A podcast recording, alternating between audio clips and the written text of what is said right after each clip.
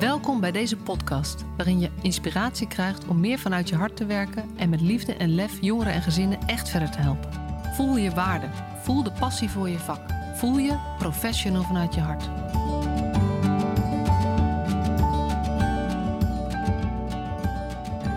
Welkom weer bij deze nieuwe aflevering van de Professional vanuit je hart podcast. En vandaag ga ik in gesprek met Danielle de Bruin. Zij is jeugdbeschermer bij uh, de Jeugd- Gezinsbeschermers. Dat is onderdeel van uh, Partners voor Jeugd. En binnenkort gaat ze daar eigenlijk hetzelfde doen als wat ze nu al doet. Ze heeft heel veel neventaken, maar dan als beleidsadviseur. Dus, maar we hadden het er net over. er wordt zoveel over jeugdprofessionals gesproken door mensen die het zelf zeg maar, niet meer zijn. Dus ik heb ook gevraagd, wil jij eigenlijk als je vanuit je, je, je pet als jeugdbeschermer gewoon dit gesprek aangaan? En dat uh, vond ze helemaal leuk. En um, dit, deze podcast is onderdeel van een serie die ik maak samen met Jeugdhulp Alles in het Werk. Waarbij het gaat over nou ja, de grote um, uitdagingen, laten we het zo maar noemen, die we hebben binnen de jeugdzorg. Als het gaat over werkgeluk, werkplezier, instroom, uitstroom, behoud van medewerkers, deskundigheidsbevordering, maar dan op een manier dat iedereen er blij van wordt. En nog een heleboel thema's. Uh, en um, binnenkort uh, is er een inspiratieweek van 20 tot 24 juni. En daar kan je ook um, uh, nog uh, kijken wat daar voor leuks voor jou uh, in zit. Dus kijk dan rustig even op de website. Maar nu eerst naar Danielle. Welkom. Dankjewel.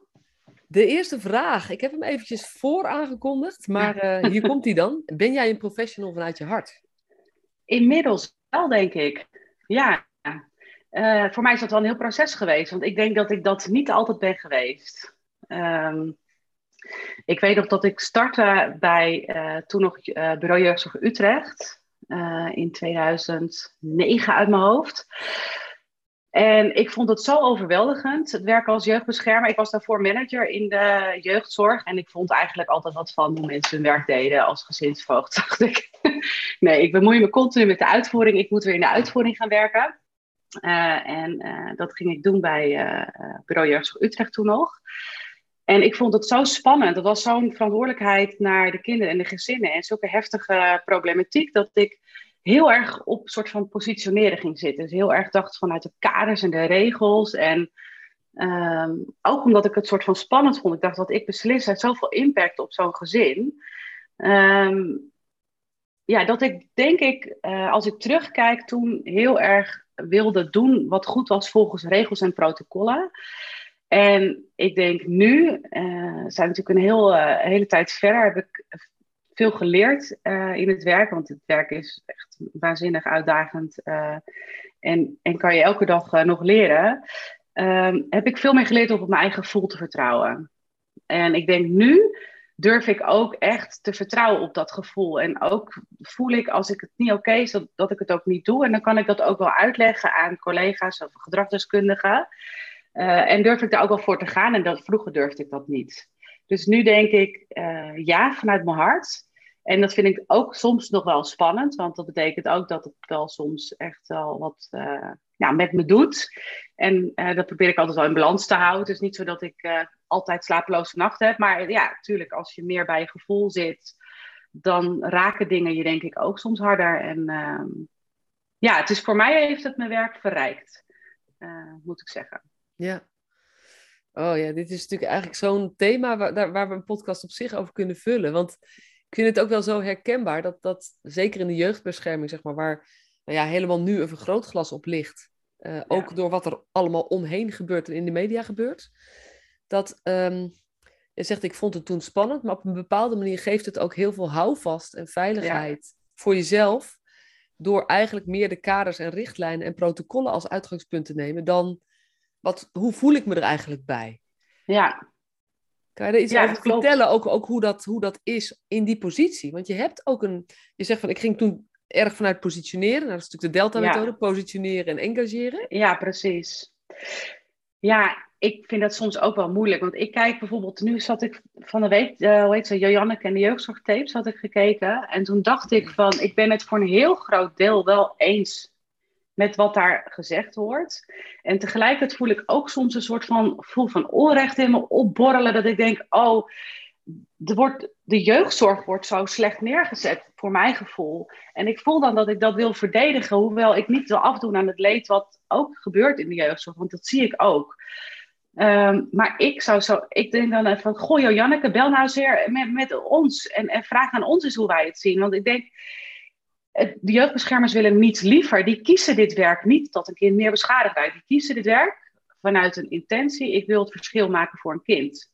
Ik denk dat we daarvan uit moeten gaan. Dat iedereen die in de jeugdbescherming werkt of in de jeugdhulp dat doet. Niet om je zakken te vullen, want bedoel, het is niet dat je er heel rijk van wordt. Je doet dat omdat je echt denkt, ik wil wat betekenen in de veiligheid, het veilig opgroeien van een kind. Daar geloof ik in. En dan zie ik zo'n programma en dan denk ik van ja, ik moet je eerlijk zeggen dat ik ook echt problemen heb met uit huis plaatsen. Ik, ik doe dat eigenlijk niet, tenzij het echt, echt, echt niet anders kan. Omdat ik ook zie dat het alternatief vaak slechter is. Dat, dat hè, vaak, uh, helemaal de wat dat complexere plaatsingen, zoals gesloten jeugdhulp of uh, drie milieusvoorzieningen of weet je, behandelgroepen. Ik, natuurlijk zie ik ook dat daar struggles zijn. Um, maar dan nog, die mensen die daar dan weer werken, die doen het ook met hart en ziel en willen het verschil maken. Het hele systeem, daar moet dat aan veranderen. En ik had gehoopt dat daar dan wat meer aandacht voor zou zijn. Dat er vanuit de overheid, en het heeft ook geen zin om te wijzen, maar er moet gewoon een zak geld bij en we moeten gewoon anders gaan organiseren. Uh, dat betekent dat we, uh, uh, nou ja, dat, dat we dat op een andere manier moeten doen. Want zoals we het nu doen, gaat het blijkbaar niet goed. En dan ja, dan heb ik bijna de neiging om de, om een brief te schrijven van oké, kom ook even hier langs. En natuurlijk zal ze zich laten informeren. Uh, dat, daar ben ik van overtuigd. Uh, en we zijn het voor een heel groot deel met elkaar eens. Maar ja, onderschat niet de jeugdprofessional en die, uh, die echt die intenties heeft en hoe beschadigend ook is. Als je dus werkt vanuit je hart en denkt ik doe het goede en je hoort op het nieuws en op de media, word je eigenlijk een soort door de modder gehaald. Ik dacht, ja, dat is gewoon niet fijn. En dat, uh, dat, dat, dan wordt het alleen maar erger, want het vak wordt minder aantrekkelijk. Mensen durven straks niet meer op een feest te stellen, ik, werk in jeugdhulp, of willen die opleiding niet meer volgen, omdat het gewoon een slechte reputatie heeft. Ik bedoel, daar wordt het, de jeugdhulp niet beter van. Nee. Nou klink ik heel negatief hoor, maar ik bedoel, meer dat, vertel je een beetje wat er dan in mijn hoofd allemaal opborrelt uh, aan ideeën. Ja, en ik, ik denk, je, ehm, want ik, ik ben het met je eens, zeg maar, de, positie van um, de jeugdbeschermer, maar sowieso van iedereen in het veld. Het, ik geloof niet, ja, er zijn rotte appels, maar er zijn um, weinig mensen die echt, omdat het ze niks interesseert, of omdat ze heel erg graag willen, zeg maar, uh, macht willen, ja. die daarom beslissingen nemen. Ik denk dat ze er wel zijn, maar ik denk dat dat echt uitzonderingen zijn. Ja. Ik denk dat het probleem veel meer is, uh, want ik, ik ben het wel met je eens van we zouden uh, de structuren zouden we naar moeten kijken, maar dat meer geld weet ik niet. Ik denk als we anders gaan werken, denk ik uiteindelijk dat we minder geld nodig hebben. Maar waar het over nou, gaat, dat, volgens dat, mij... Dat uh, ben ik het helemaal met je eens. Dat, dat ja, als we anders... Ja, volgens, volgens, mij over gaat, is um, het... De, heel, heel veel, eigenlijk alle individuele werkers doen op dit moment wat zij denken dat het beste is. Alleen als je dat in de lange termijn ziet, wat het betekent als je die beste intenties achter elkaar geplakt ziet, dan zie je eigenlijk pas het eindresultaat. Na, hmm. En dat is wat je bij Janneke en de jeugdzorgtape ziet, zeg maar. En ik denk, um, uh, die intenties, want je zei ook van, ik denk dat we vanuit moeten gaan dat iedereen echt die intenties heeft.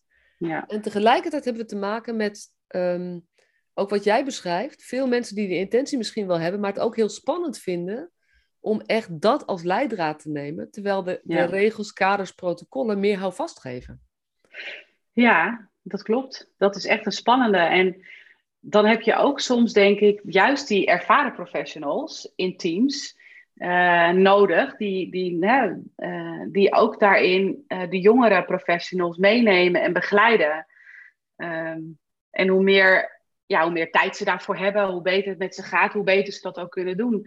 Want ik denk dat het ook een stukje ervaring is, misschien om meer te durven vertrouwen op je eigen kennis en kunde. En ja, dat, dat, in het begin van mijn carrière vond ik dat echt nog veel te spannend. Want hoe is dat bij jou, hoe heeft zich dat ontwikkeld? Ja, toch een beetje geleidelijk. Uh, ik, heb, uh, ik merkte op een gegeven moment uh, in het begin dat ik, uh, doordat ik zoveel aan het positioneren was, dat ik niet dicht bij het gezin kwam. Dat ik dan wel bijvoorbeeld ehm, dicht bij een kind kwam, maar dat ik ouders, dat ik daar veel te fanatiek mee in gesprek was. Dat ik dacht, het moet zo en zo en dit zijn de regels. En toen dacht ik, nou, dit kan niet goed zijn. Want ik bedoel, uiteindelijk moet je het met elkaar doen. En nou, eigenlijk moeten ouders natuurlijk zelf in hun gezin de regie kunnen pakken weer. En, en zijn wij passanten. Maar ja, hoe ga ik dat dan doen? Dus ik moet wel verbinding maken met dat gezin. En dat kan dus niet als ik in die hardheid dan zit. Tenminste, voor mij voelt dat dan voelt dat een beetje als in een hardheid. Uh, dus ik had wel een, ik had een aantal keer een spiegel voor mijn neus van ouders die echt niet zo blij met mij waren. Dat ik dacht, oké, dit, dit is echt niet grappig. Dit vind ik zelf ook niet meer leuk. ik moet hier echt wat anders in gaan doen. Um, dus ik, ik ga meer op het encasseren zitten. Hè? Dus dan ga je eerst van. Nou, oké. Dus wat meer op de verbinding. Ik dacht van hoe ga ik dan voor zorgen dat ik toch wel blijf werken volgens de richtlijnen, maar ook wel uh, gewoon wat meer echt op het contact ga zitten.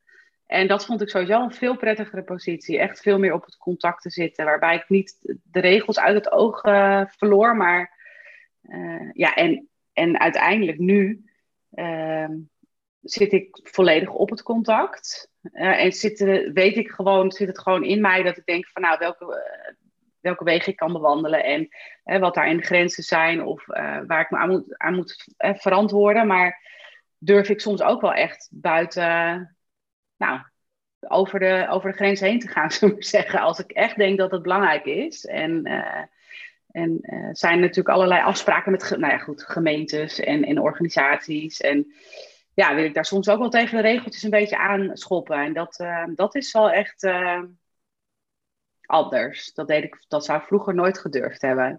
En nu durf ik wel eens gewoon echt wat meer kritische vragen te stellen. En ook gewoon zeggen van nou sorry, maar dit, dit gaan we niet zo doen. Of dit gaan we juist wel zo doen. En hoe gaan we ervoor zorgen? Dus ik durf daar meer voor te gaan staan. Ja. En wat heeft dat voor jezelf veranderd? Um, nou, eigenlijk dat ik gek genoeg het wel steeds, als ik echt in geloof, de situatie waarbij ik dat heb meegemaakt, dat het is natuurlijk niet in elke uh, zaak, hè, maar heel af en toe heb je zo'n zaak, je denkt, nou, ik, dit, dit is gewoon niet oké, dit moet anders. Dat kan je een voorbeeld noemen? Ik moet even uh, niet ja. Nou ja, bijvoorbeeld uh, een jongen, die is inmiddels 17. En hij, ik had hem onder toezicht, hij woonde bij zijn vader. En dat ging eigenlijk helemaal niet goed. Heel veel heftige, hooglopende ruzies. En zijn vader, die trok dat echt niet meer. En die jongen deed eigenlijk alles wat niet oké was.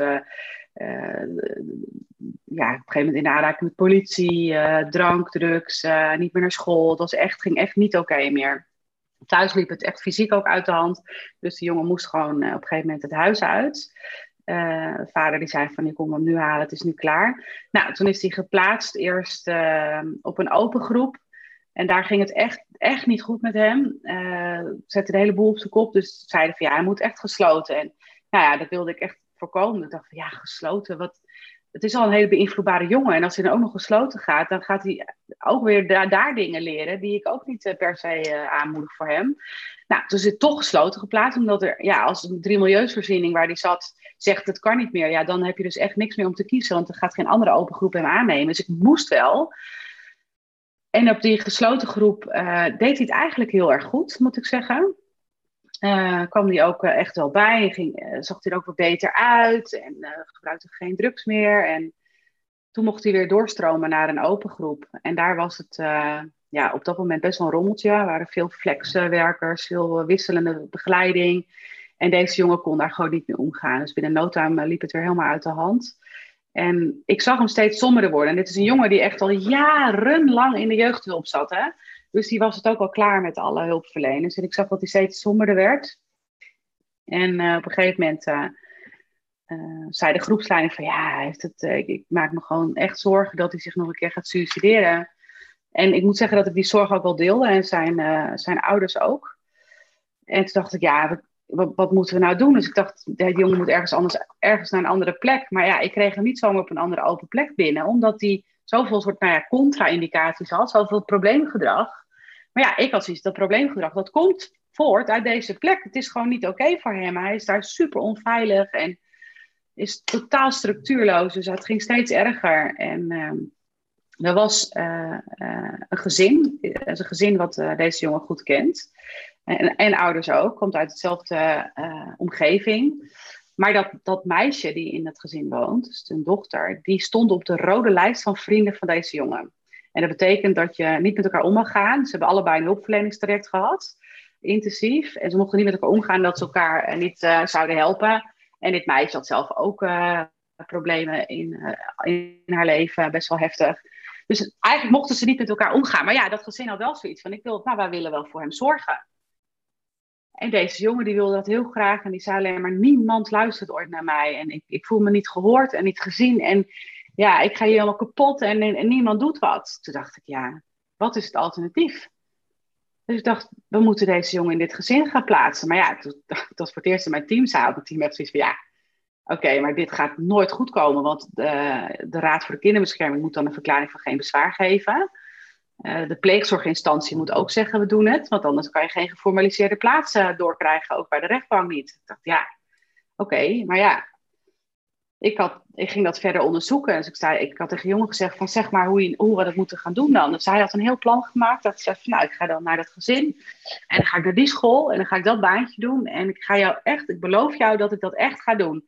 En dat was echt voor het eerst in jaren dat hij naar de toekomst keek en dat hij een plan had. Nou, ik, ik was daar zo van onder de indruk. Dacht van ja, nee. Ook al is de helft waar van wat hij zegt. Het feit al dat hij weer kan denken in dat soort mogelijkheden dit moeten we gewoon gaan doen. Dus ik ben met dat gezin aan de, aan de slag gegaan. En uh, dat, met dat meisje ging het eigenlijk best wel goed. Die zat al wel lekker op de rit. Uh, en toen ben ik gewoon gaan bellen met jeugd, uh, met pleegzorg. Gezegd van ja, dit moeten we gewoon voor elkaar krijgen. En eh, door ook mijn ervaring en, en ook, ja, echt wel, ik had gewoon, ik geloofde daar echt in. Dus ik was eigenlijk behoorlijk overtuigend, denk ik. Ik zeg, dat moeten we gewoon elkaar krijgen. Dus ik ben er gewoon zelf achteraan gaan bellen. En ik heb niet gewacht tot het hele proces ging lopen. Maar gewoon van tevoren gezegd van ik wil echt wat we voor elkaar krijgen. Dus probeer echt met een open blik dat netwerkonderzoek te gaan doen. En hoor echt het alternatief. En we moeten dit gewoon. En, en hetzelfde ook met de raad gedaan, die raadsonderzoeker. En dat was wel tof, want die, had wel, die zei ook van nou, hij zei ook, nou Danielle, je bent, uh, je bent erg duidelijk. maar ik geloof wat je zegt. En ik geloof echt dat, dat je dat je gelijk hebt en dat we dit moeten gaan doen. Dus het is gewoon gelukt. Het lukte gewoon om de jongen daar te plaatsen, ondanks alle rode vlaggen.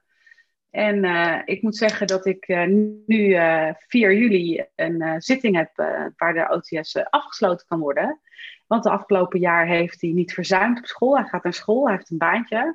Hij gebruikt geen drugs meer. Hij ziet er goed uit, hij heeft vrienden. Het, hij heeft echt niet normaal hoe goed het met hem gaat. Ja. Dus we hadden ook een, uh, een eindgesprek en toen was ik wel, nou, ik, ik probeer altijd wel een beetje professioneel te blijven, maar ik moet zeggen dat ik voor één, dat ik echt dacht van, oké, nu moet ik echt zes keer slikken, want ik ga echt gewoon heel lelijk huilen zo. Omdat ik zo blij en opgelucht voor hem was dat het was gelukt. Dat, uh, ja, en dat, nou ja, goed, dat kan ik dus nu. Het is ergens. Uh, mijn vrouw die zei laatst tegen me: Het is eigenlijk ook wel heel jammer. Uh, dat je stopt, dat je beleidsadviseur wordt, of dat je meer in die uit, uit, die uitvoering gaat, omdat dit wat je nu doet, dat doe je doordat je ervaring hebt en dat je een beetje de, de wegen kent. Maar ja, zometeen kan je daar dus geen gezin in meer helpen. dacht ik, oh ja, oké. Oké, dat is, ze heeft wel een punt. ja, dus dat ging toch ook alweer een beetje dat ik dacht van, oh ja, hmm. ja. Nou ja, goed. Ik hoop natuurlijk dat ik juist met de ervaring weer uh, wat kan betekenen voor de jeugdhulp. Maar ja, het is wel. Uh, dit had ik nooit in het begin van mijn carrière gedurfd. Zo. Ook omdat je bang bent voor de tuchtrecht. En dat je denkt, oh, straks gaat het wel mis. En dan heb ik het gedaan. En nee, ik dacht echt, dit gaan we gewoon doen. Ja, en dat is denk ik ook een stukje waar we het over Janneke en de jeugdzorgtapes hadden, zeg maar. Als je zo'n professional tegenkomt, weet je, en zeker als het de jeugdbeschermer is, die heeft ook nog, zeg maar, echt doorzettingsmacht op bepaalde stukken. Maar ook als je een, een PM'er tegenkomt of een gezinswerker die op zo'n manier eigenlijk zijn weg vindt in het systeem, omdat ja. dat gun ik ieder gezin en iedere jongere. Ja. En dat is wel, ja, dan vragen we wel iets van die professionals. Ja. En dan vraag je eigenlijk niet zozeer meer vakkennis, maar dan vraag, vraag je eigenlijk gewoon, ja, meer, ja, noem, het, noem het meer, meer eh, je mens zijn meenemen. En meer je eigen, echt waar je hart van gaat kloppen of zo, of welk woord je ook maar wil hebben. Ja. Want dat is wat uiteindelijk het, wat het resultaat geeft. Niet dat jij de beste argumenten... Je hebt ook goede argumenten. Maar het begint bij dat je er echt in gelooft dat dit van Ja. de opties die er nu zijn het beste is. Ja, dat klopt. Het is een stukje vertrouwen, maar ook eh, toch echt het vertrouwen dat je het goede doet. En eh, ondanks dat je natuurlijk realiseert dat er regels en afspraken zijn en ehm, ja, dat je ook moet verantwoorden waarom je dingen doet. Dus het is soms ook wel spannend. Maar ik, ik heb het ook wel gedeeld in mijn team en gedragsdeskundig. Ik zou het ook niet alleen doen. Ik denk dat dat ook helemaal, dat je dat ook nooit moet doen. Eh, dat je echt continu moet reflecteren van doe ik het juiste. Maar ja, voor mij is dat ook wel een soort van persoonlijke groei als jeugdbeschermer. Ik, ik, eh, nu, nu kan ik dat meer en durf ik dat meer. Maar ja, het blijft natuurlijk ook wel een soort van eh, spannend. Want je, ja, je, je gaat echt af op je gevoel hierin. Want Ja. alle, alle boxjes als je ze in moest vinken, die stonden op rood. Ja, maar wat ik zo'n gekke vind eigenlijk, eh, en ik vind het wat dat betreft een heel erg mooi voorbeeld, wat het zo moeilijk maakt, is dat de optie die, waarvan jij denkt dat is echt het beste, is er eentje die niet, ehm, geen woonplek binnen, verblijfsplek binnen jeugdzorg bevat. Want Ja. eigenlijk, als het op deze groep niet meer zou lukken en het kind doorschuiven naar een andere groep, zouden we Mhm. minder kritisch naar die rode vakjes kijken. Want ook Ja, daar zouden heel veel rode vakjes zijn. Ja, En precies. dat is, was één groot zeg maar wat jij gedaan hebt. Jij, jij hebt niet alleen gekeken naar het voordeel van de twijfel gegeven naar die situatie, maar jij hebt eigenlijk ook heel eerlijk gekeken naar, maar als we deze jongen hier niet kan blijven, hij gaat, of, of hij blijft wel hier, welke rode vakjes kunnen we dan aanvinken, zeg maar? En als Ja. hij dan, nou ja, als het slechter gaat en dan gaat hij door nog een keer naar gesloten of een andere groep, hoeveel rode vakjes zijn daar dan? Ja. Daar zijn we meestal minder streng over. Ja, en dat, ergens snap ik dat ook wel. Want, nou, eigenlijk natuurlijk helemaal niet. Maar ik, ik snap wel dat het gebeurt. Want we hebben niet zoveel om te kiezen. En dat, dat, dat vind ik soms echt super ingewikkeld aan het werk. Omdat ik had nu... Het was die, dit gezin was echt een godsgeschenk. Dat, dat die opstond en zei, dit gaan wij doen. Maar ja, er zijn vaak zat situaties dat dat niet zo is. Ehm, en dan heb je te maken met een bestaande plaatsing, dus een bestaand pleeggezin. En dan wordt het ineens lastiger om eh, jongen met deze, eh, dit verhaal binnen te krijgen. En eh, ook in de jeugdhulp zelf, als ik. We hadden laatst, was er bij ons in het team kwam er een beleidsadviseur langs van de regio. En die zei van ja, we, moeten echt proberen zo min mogelijk eh, kinderen uit huis te plaatsen. Ja, oké, dat, zijn we het mee eens, want dat willen we natuurlijk allemaal. Ehm, en toen ging ze een heel verhaal vertellen van nou, zo en zo kan je doen. En wij zeiden direct al van, merkte dat er heel veel weerstand kwam in het team. Dat we zeiden van, maar wacht even, hoe we ons werk moeten doen hoef je ons niet te vertellen. Want wij snappen dat je bij crisis moet vertragen en la la la, al die stappen. Maar wat wij nodig hebben, is dat wij, als wij zeggen van dit gezin heeft deze hulp nodig, dit zou het beste zijn, dat we dat kunnen inzetten.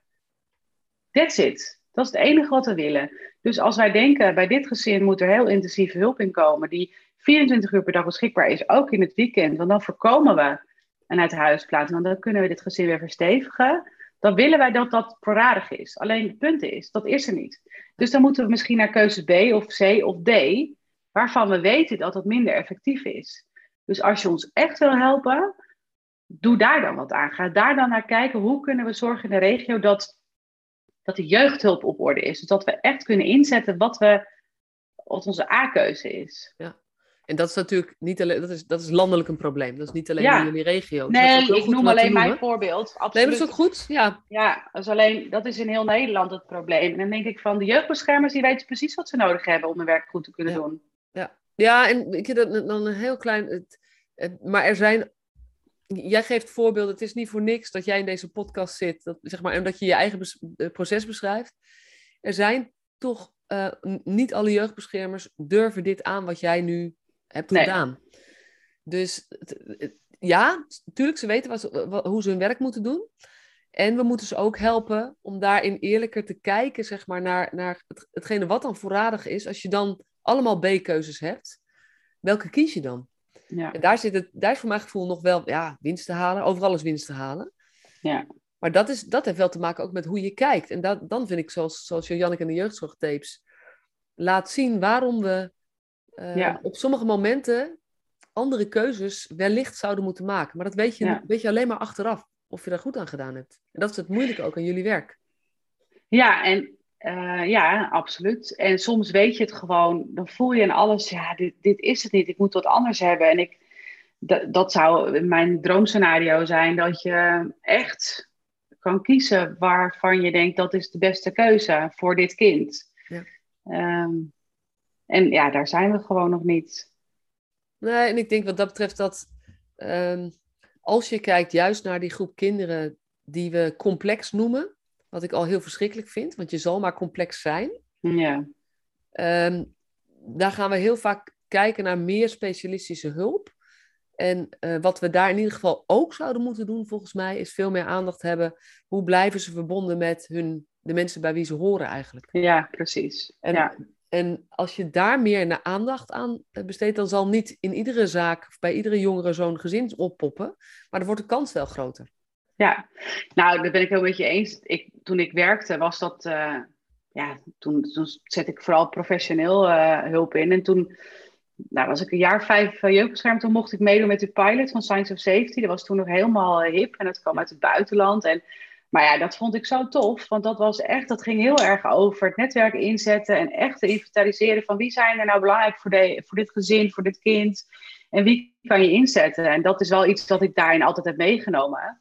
En dat, dat vind ik um, in die zin wel ook een mooie ontwikkeling. Ik zie bij de jeugdige gezinsbeschermers ook dat dat echt, uh, dat heeft echt de aandacht. Hè? Dat je echt in eerste instantie gewoon kijkt, wat kunnen we beschermen, of wat kunnen versterken wat, wat het gezin al heeft, hè? vanuit het netwerk. Uh, uh, en, en dan ook niet gewoon even een vraag stellen, goh, wie zijn er belangrijk voor je, maar echt, echt daarnaar op zoek.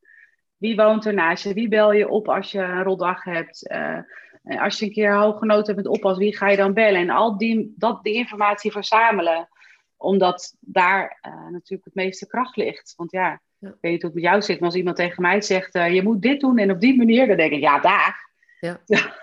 als, ik, als jij zegt, nou, als, als we dit resultaat moeten uh, bereiken, en wat zou je dan kunnen ja. bedenken aan oplossingen? Dan mag ik het in ieder geval zelf bedenken. Denk ik dat het ook meer kans van slagen heeft. Ja, en gecombineerd met de situatie op de arbeidsmarkt, bij jeugdzorg, maar overal, Um, en het ontbreken van, weet je, soms bedenk je, dit zou het gezin nu nodig hebben, maar we krijgen het professioneel gewoon niet georganiseerd nu, ook om het gebrek aan menskracht. Ja. Dan denk ik, dan, dan zullen we los van het bedenken, hoe, krijgen we, hoe, hoe gaan we zorgen dat die professionals meer binnenkomen, blijven hangen en het daar naar hun zin hebben en goede dingen kunnen doen, moeten we ook kijken naar hoe kunnen we de krachten van de informele steun, um, dat we daar nog meer nadruk op leggen, zodat we ja. Um, nou ja, minder professionele uh, inzet nodig hebben. En dat kan niet in alle ja. gezinnen. Maar stel dat bij een van de twintig gezinnen dat uitmaakt, is wel een van de twintig gezinnen waarbij je minder professionele inzet nodig hebt. Ja. Dus, uh, dus voor mijn gevoel haakt, haakt het wel in elkaar. Moeten we, moeten we ook die twee thema's, um, zou je samen moeten bespreken of zo? De inhoudelijke vernieuwing, meer naar science of safety. Want als het druk wordt, wat gebeurt er in het algemeen? Mensen gaan eigenlijk terug naar dingen die je zelf kunt bedenken. Die ik, ja, en je komt meer automatisch meer in het regelen, positioneren en de lead nemen uit. Omdat samenwerken met een netwerk en echt kijken wat daarin mogelijk is, meer procesdingen zijn, wat meer tijd vragen ook. En die heb je niet omdat je het zo druk hebt. Ja, ja en ik krijg een soort kip in het ei. En ik denk dan van, wat, wat moet er gebeuren dat we in een situatie komen dat we het weer opnieuw mogen bedenken?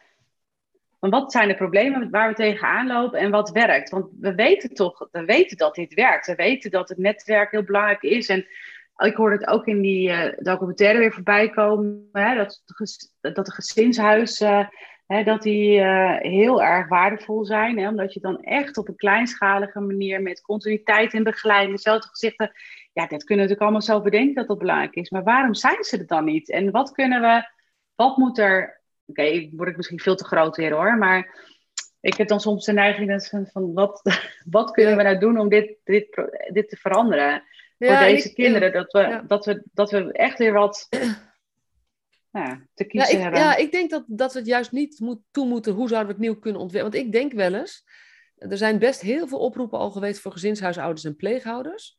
Ik denk dat is ook een hele levenskeuze die niet iedereen zal maken. Dus nee. ik zou veel meer denken, hoe, dan moet ik denken aan, aan die pleegmoeder van Nando, zeg maar, die daar dan in, dat, in, mm. in die um, documentaire naar voren kwam.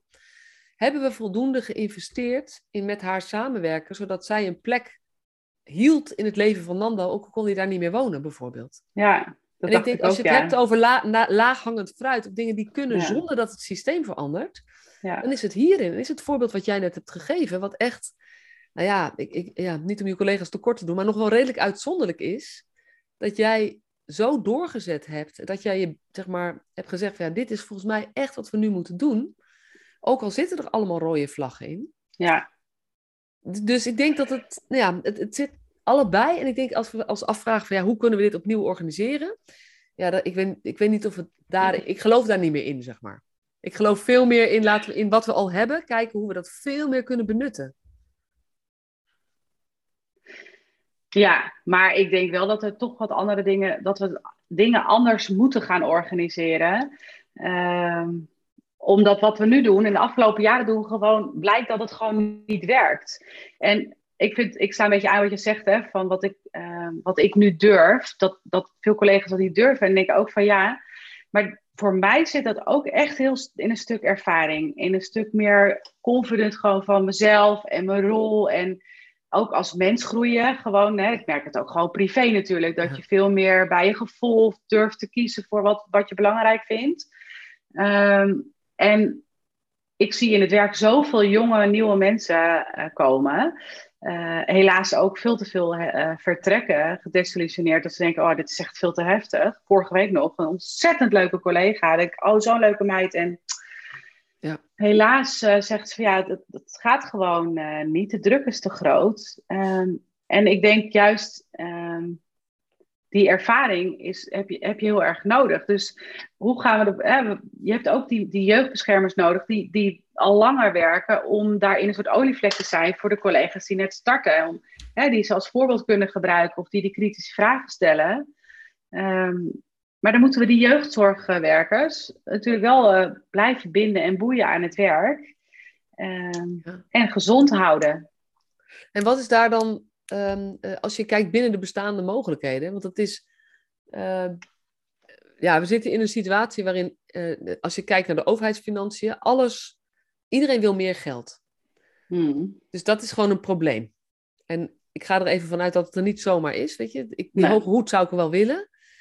Maar dan zitten we best wel buiten onze, geval buiten onze invloedssfeer. Als je nou kijkt binnen, binnen je invloedssfeer. Want je, dit is ook een thema waarbij jij binnen, binnen jullie organisatie en binnen dat projectteam van Jeugd op Alles in het Werk mee bezig bent geweest. Wat voor dingen komen daar dan uit? Om die, met name die ervaren medewerkers ook ehm, ja, binnen te blijven houden? Wat is daar belangrijk in? Ik denk wat belangrijk is, is dat, um,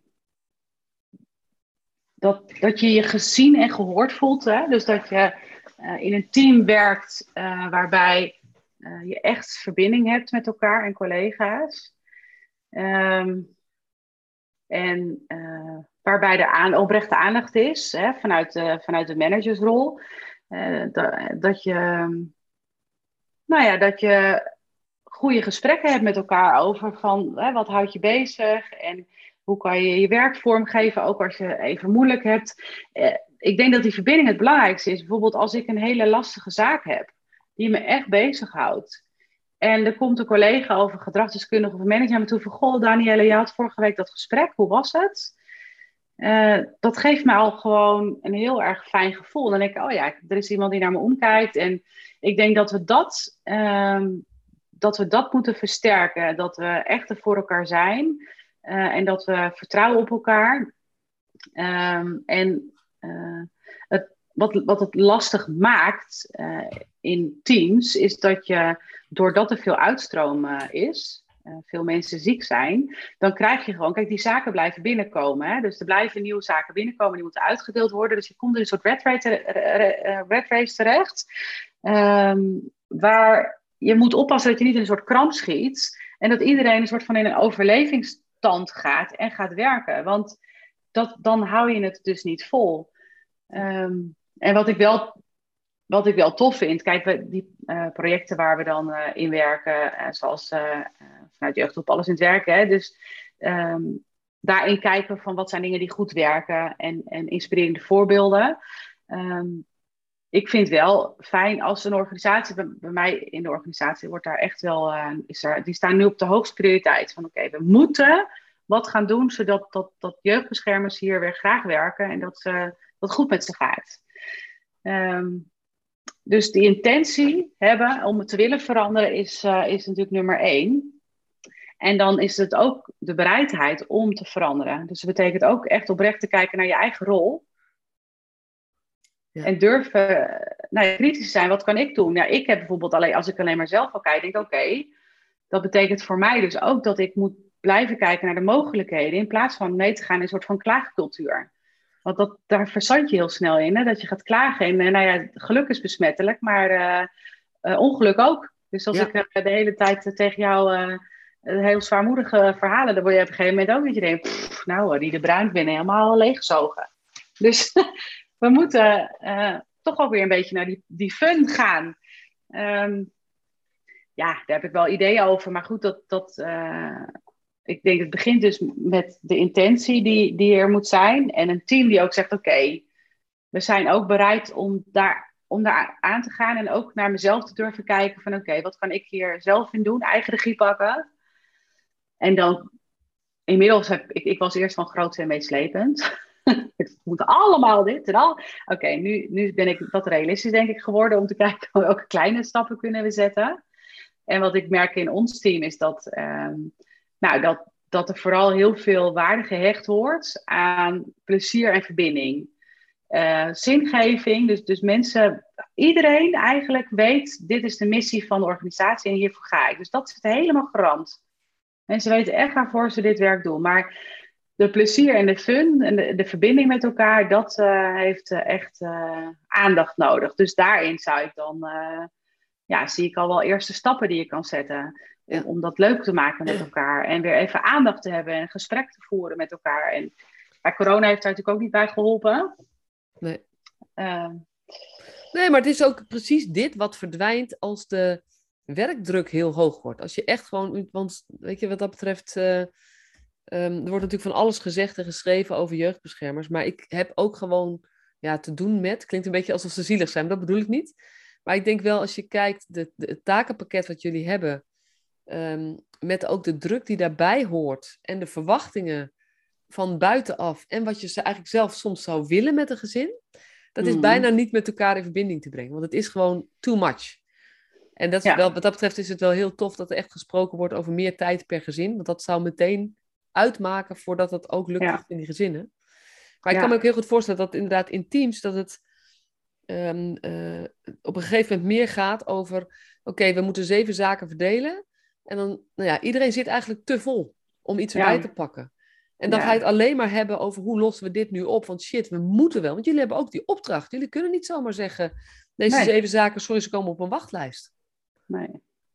En, iedereen, en dat is het erg, dat is natuurlijk ook het mooie, want iedereen voelt zich daar heel verantwoordelijk voor. Ja.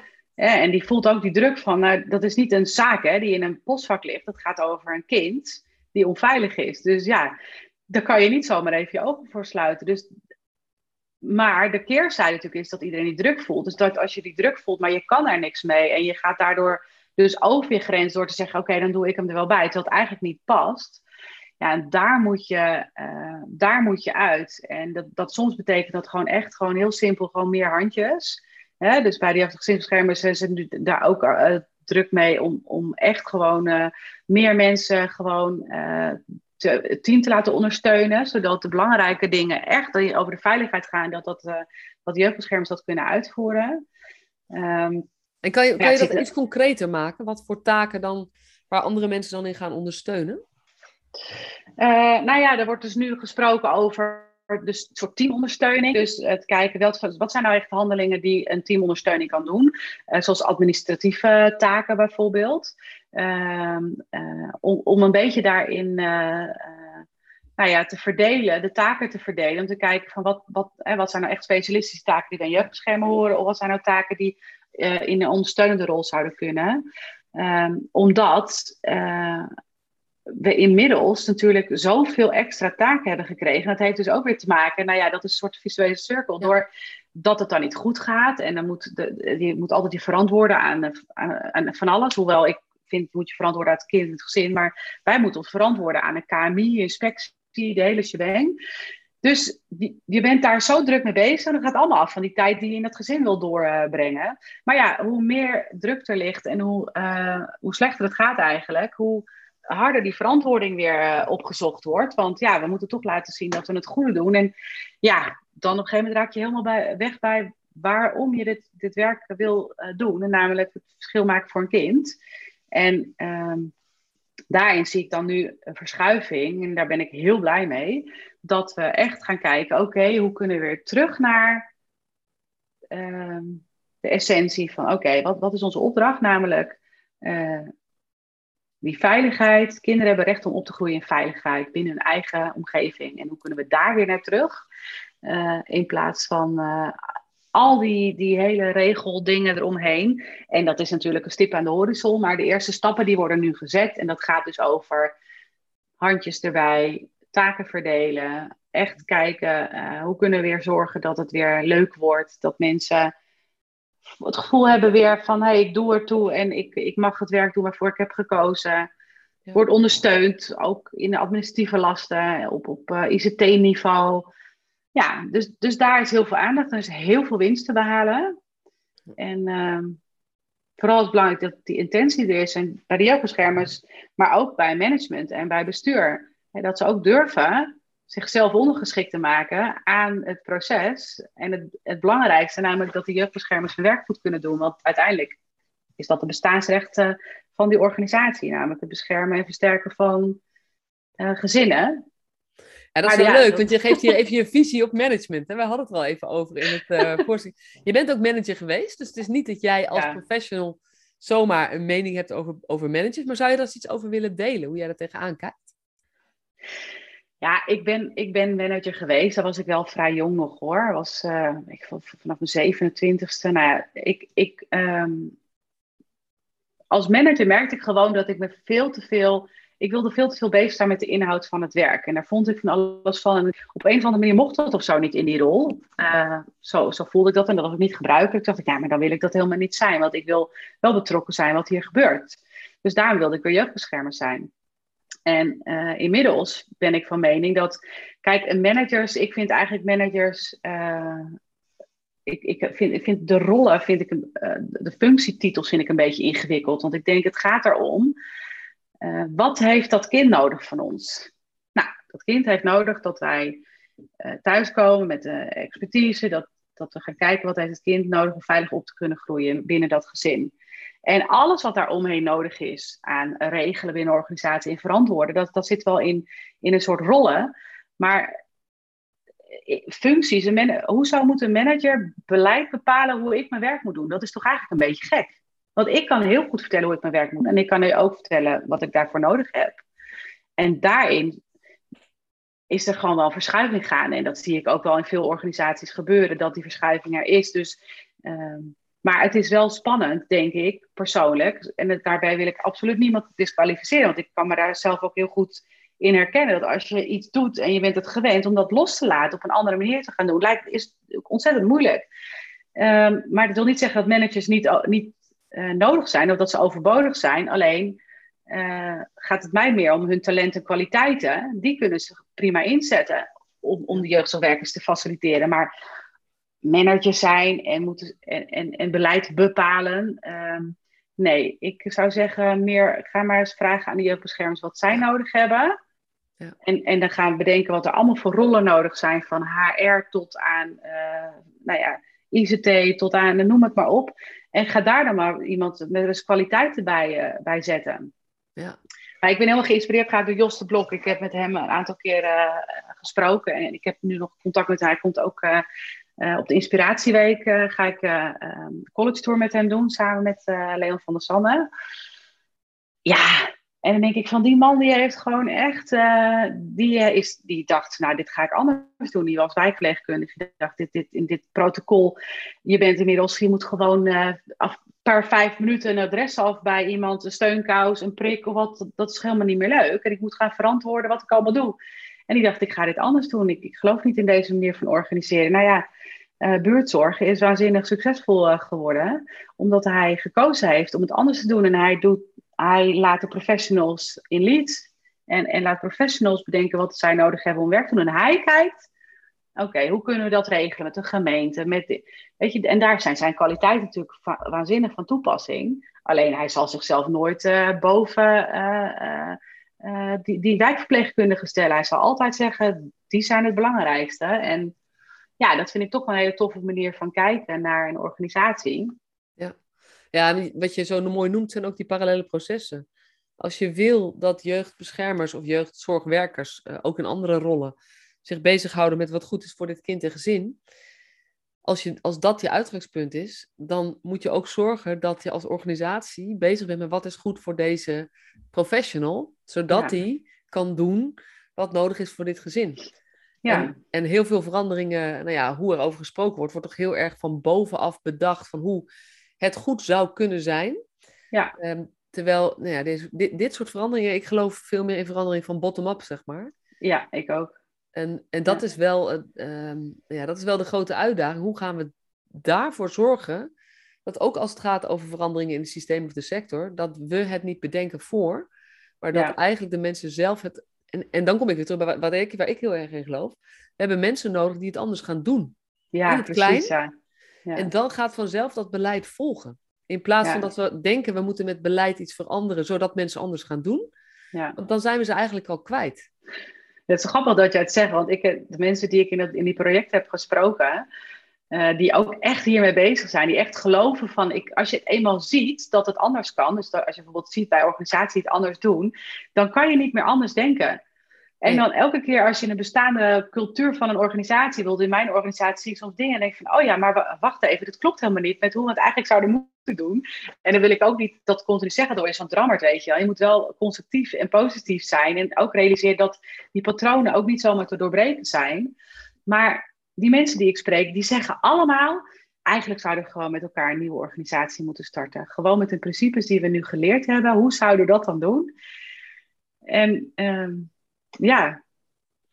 Ja, weet je, en zolang dat nog niet, realist, nog niet gerealiseerd is, want dat vraagt ook veel, ja. denk ik dat het heel erg zit in op je eigen plek, in je eigen rol, zoveel mogelijk meenemen en het gewoon anders gaan doen. Want mijn, als ik kijk naar wat dat oplevert, ik denk dat alle inspirerende voorbeelden die jullie uh, gevonden hebben, zijn begonnen met een of andere mafcase die denkt, ja, zo ga ik het niet doen. Ik ga het dus zo proberen.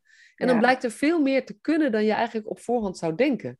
Ja, maar ik denk wel, wat ik wel echt merk nu, vooral zo'n zo grote organisatie, dat je daar ook een soort mandaat van, van nodig hebt. Natuurlijk kan ik, ik kan, ik kan echt wel mijn eigen, en ik, ik, ik kan ook niet meer anders inmiddels uh, mijn werk doen. Ik, ik, elke keer als ik iets lees, dan stel ik de vraag: oké, maar wat levert dit op aan de jeugdzorgwerkers en hoe dragen we hierbij aan de missie en de missie van de organisatie, weet je wel? Dat gaat gewoon vanzelf. Ik denk dat sommige mensen mij wel irritant aan het eh, vinden daarin. dat ze denken: oh, heb je die de bruin meer? Maar ja, ik, ik kan niet meer anders dan zo denken. Maar toch in die grote organisatie met al die processen is het ook wel eens echt heel lastig om echt wat te kunnen veranderen. Dan wil je een soort van mandaat hebben. Oké, dit is dit team in deze regio en die. We gaan gewoon even doen alsof we een nieuwe organisatie zijn en helemaal vanaf begin af aan beginnen om een soort olievlek te zijn. En ook uh, dat zie ik helaas gewoon nog veel te weinig. Dat zou ik veel, veel leuker vinden als we dat gewoon gaan doen. Want ik denk bij mezelf, ja, we kunnen toch eerlijk zijn naar elkaar en zeggen: oké, hoe we het de afgelopen jaren hebben gedaan, dat heeft geleid tot dit. Dus dat heeft niet gewerkt. Dus ja, op zich is het dan niet zo gek om het helemaal anders te gaan doen, toch? Ja, ja, ja. ja maar dan heb, je, dan heb je mensen nodig die. Je noemt, je moet van die wezenlijke dingen. Je moet er zeg maar zelf echt van overtuigd zijn. Je moet een beetje lef hebben. Je hebt mandaat nodig of bedding of zeg maar speelruimte. Officieel vastgestelde speelruimte, laten we het zo even uh, noemen. En dan heb je ook wel een soort doorzettingsmacht nodig. En ja, van die irritante Danielles, zeg maar, of die irritante Masja's, of die irritante... Er zijn er veel die gewoon zeggen, ja, weet je, je hebt het wel gezegd, maar weet je, dit was ook het idee. We gaan even terug naar het idee. Die dat eigenlijk blijven herhalen, omdat door allerlei omstandigheden veranderen... Mensen veranderen liever niet. Nee. Het is gewoon een gegeven. Dus we moeten, als we mensen mee willen krijgen in een verandering, wil je het gewoon heel vaak moeten zeggen. Haalbaar moeten maken. Geloof in, zeg maar, dat het beter kan worden. Ja. En, gewoon gaan doen. Ja. Maar het zijn, ja, het zijn echt gewoon taaie, lange processen, die wel eens frustrerend ook zijn. Uh. Ja, daar moet ik ook eerlijk in zijn. Soms denk ik wel eens van, oh, waar begin ik aan? Weet je, waarom ga ik niet gewoon in een organisatie werken die het al zo doet, die principes? Want in die opleiding die ik doe als werkgelukdeskundige, word je natuurlijk continu bestookt met de goede voorbeelden. Hè? En organisaties, denk ik, oh, wat gaaf. Ik denk elke keer, oh, hier wil ik werken. Die denken precies zoals ik denk. Dus het is helemaal niet meer gek, want ik voel me soms wel een beetje dat ik denk, oh, uh, ik zeg soms dingen en dan zie ik mensen echt zo met de wenkbrauw omhoog kijken. En denk oh ja, misschien moet ik iets. Uh, laatst zei ik met mijn stomme hoofd iets van ja, nee, ik geloof echt niet in, in managers. oh, dit, moet je, dit kan je helemaal niet zo zeggen. En dat is ook heel ongenuanceerd, want ik geloof wel in de kwaliteit en talenten van elk mens en elk manager. Maar meer, ik, nou ja, ik zie, nou, dat heb ik net uitgelegd. In de rol, maar, in de rol niet zoals in de, nu wordt In de rol, ja. Ja, maar.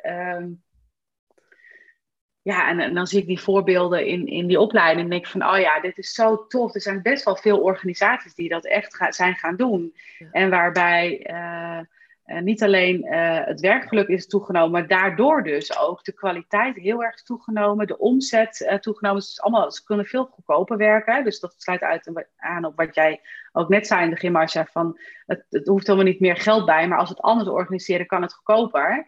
Um, en ook de, de, uh, de, de, mensen die dus positief praten over de organisatie, ja. uh, die zorgen ervoor dat, dat de werving heel easy peasy is. Want mensen willen daar gewoon werken. Je hoeft helemaal geen uh, dure werving- en recruitmentbureaus in te zetten. Want mensen die weten, die horen via via, die denken, god, dat is een leuke tent, daar wil ik bij horen. Ja, ja. ja dat is echt ja. zo mooi. Als, als je dan alles bij. En wat ik ook het... Ik vat het ook wel eens samen, want je zegt de kwaliteit gaat omhoog. Ik zeg ook dat een blije professional is per definitie een betere professional.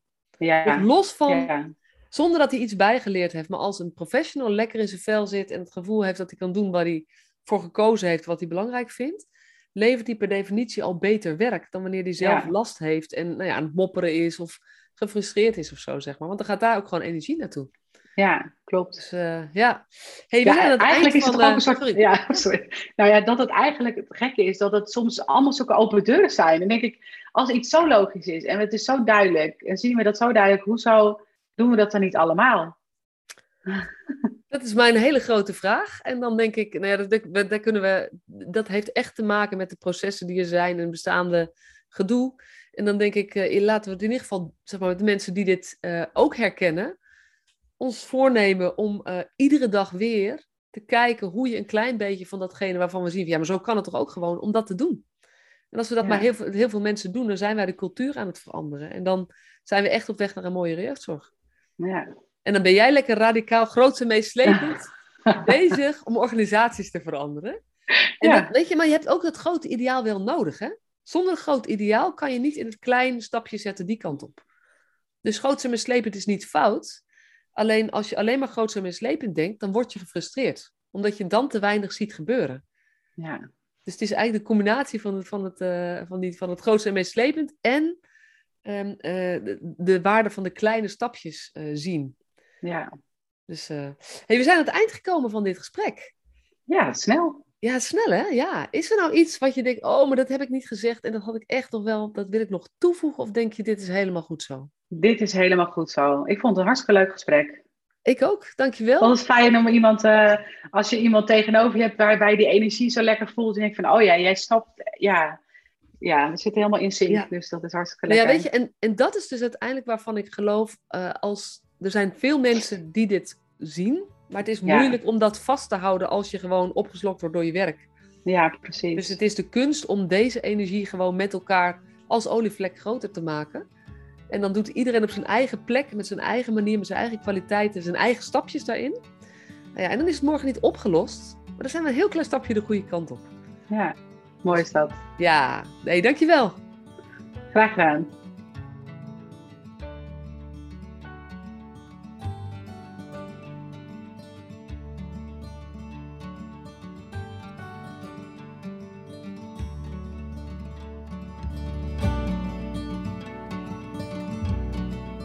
Superleuk dat je weer luisterde naar deze podcast. Dankjewel. Nog even kort een paar belangrijke dingen. Ten eerste, het is mijn missie dat de jeugdhulp weer een sector wordt waarin bevlogen, liefdevolle professionals jongeren en gezinnen echt verder helpen. Daarom maak ik deze podcast voor jou. Wil jij deel uitmaken van deze beweging van professional vanuit je hart, waarin professionals elkaar steeds opnieuw inspireren? Begin dan met het lezen van mijn boek. Je kunt de eerste hoofdstukken helemaal gratis lezen. Ga naar professionalvanuitjehart.nl/slash boek. Ten tweede, wil je alle podcastafleveringen overzichtelijk onder elkaar? Abonneer je dan op deze podcast. Klik in je podcast-app op de button subscribe of abonneren. En elke keer als er een nieuwe podcastaflevering gepubliceerd wordt, ontvang je automatisch een berichtje. Ten derde, ondersteun je mijn missie? Geef me dan een review via je podcast-app, bijvoorbeeld iTunes of Spotify. Op die manier kan ik nog meer professionals bereiken. En ken je een collega voor wie deze podcast ook interessant is? Dan zou het super zijn als je hem of haar de podcastaflevering doorstuurt. Bijvoorbeeld door de link te kopiëren via Spotify. Ik vind het altijd heel leuk om berichtjes te ontvangen van luisteraars om te horen wat je van een podcast vindt, of als je misschien vragen of suggesties hebt. Of als een aflevering je een bepaald inzicht heeft gegeven of er iets in beweging is gekomen. Stuur me dan even een berichtje op masha.professionalvanuitjehart.nl via de website of stuur me een connectieverzoek op LinkedIn.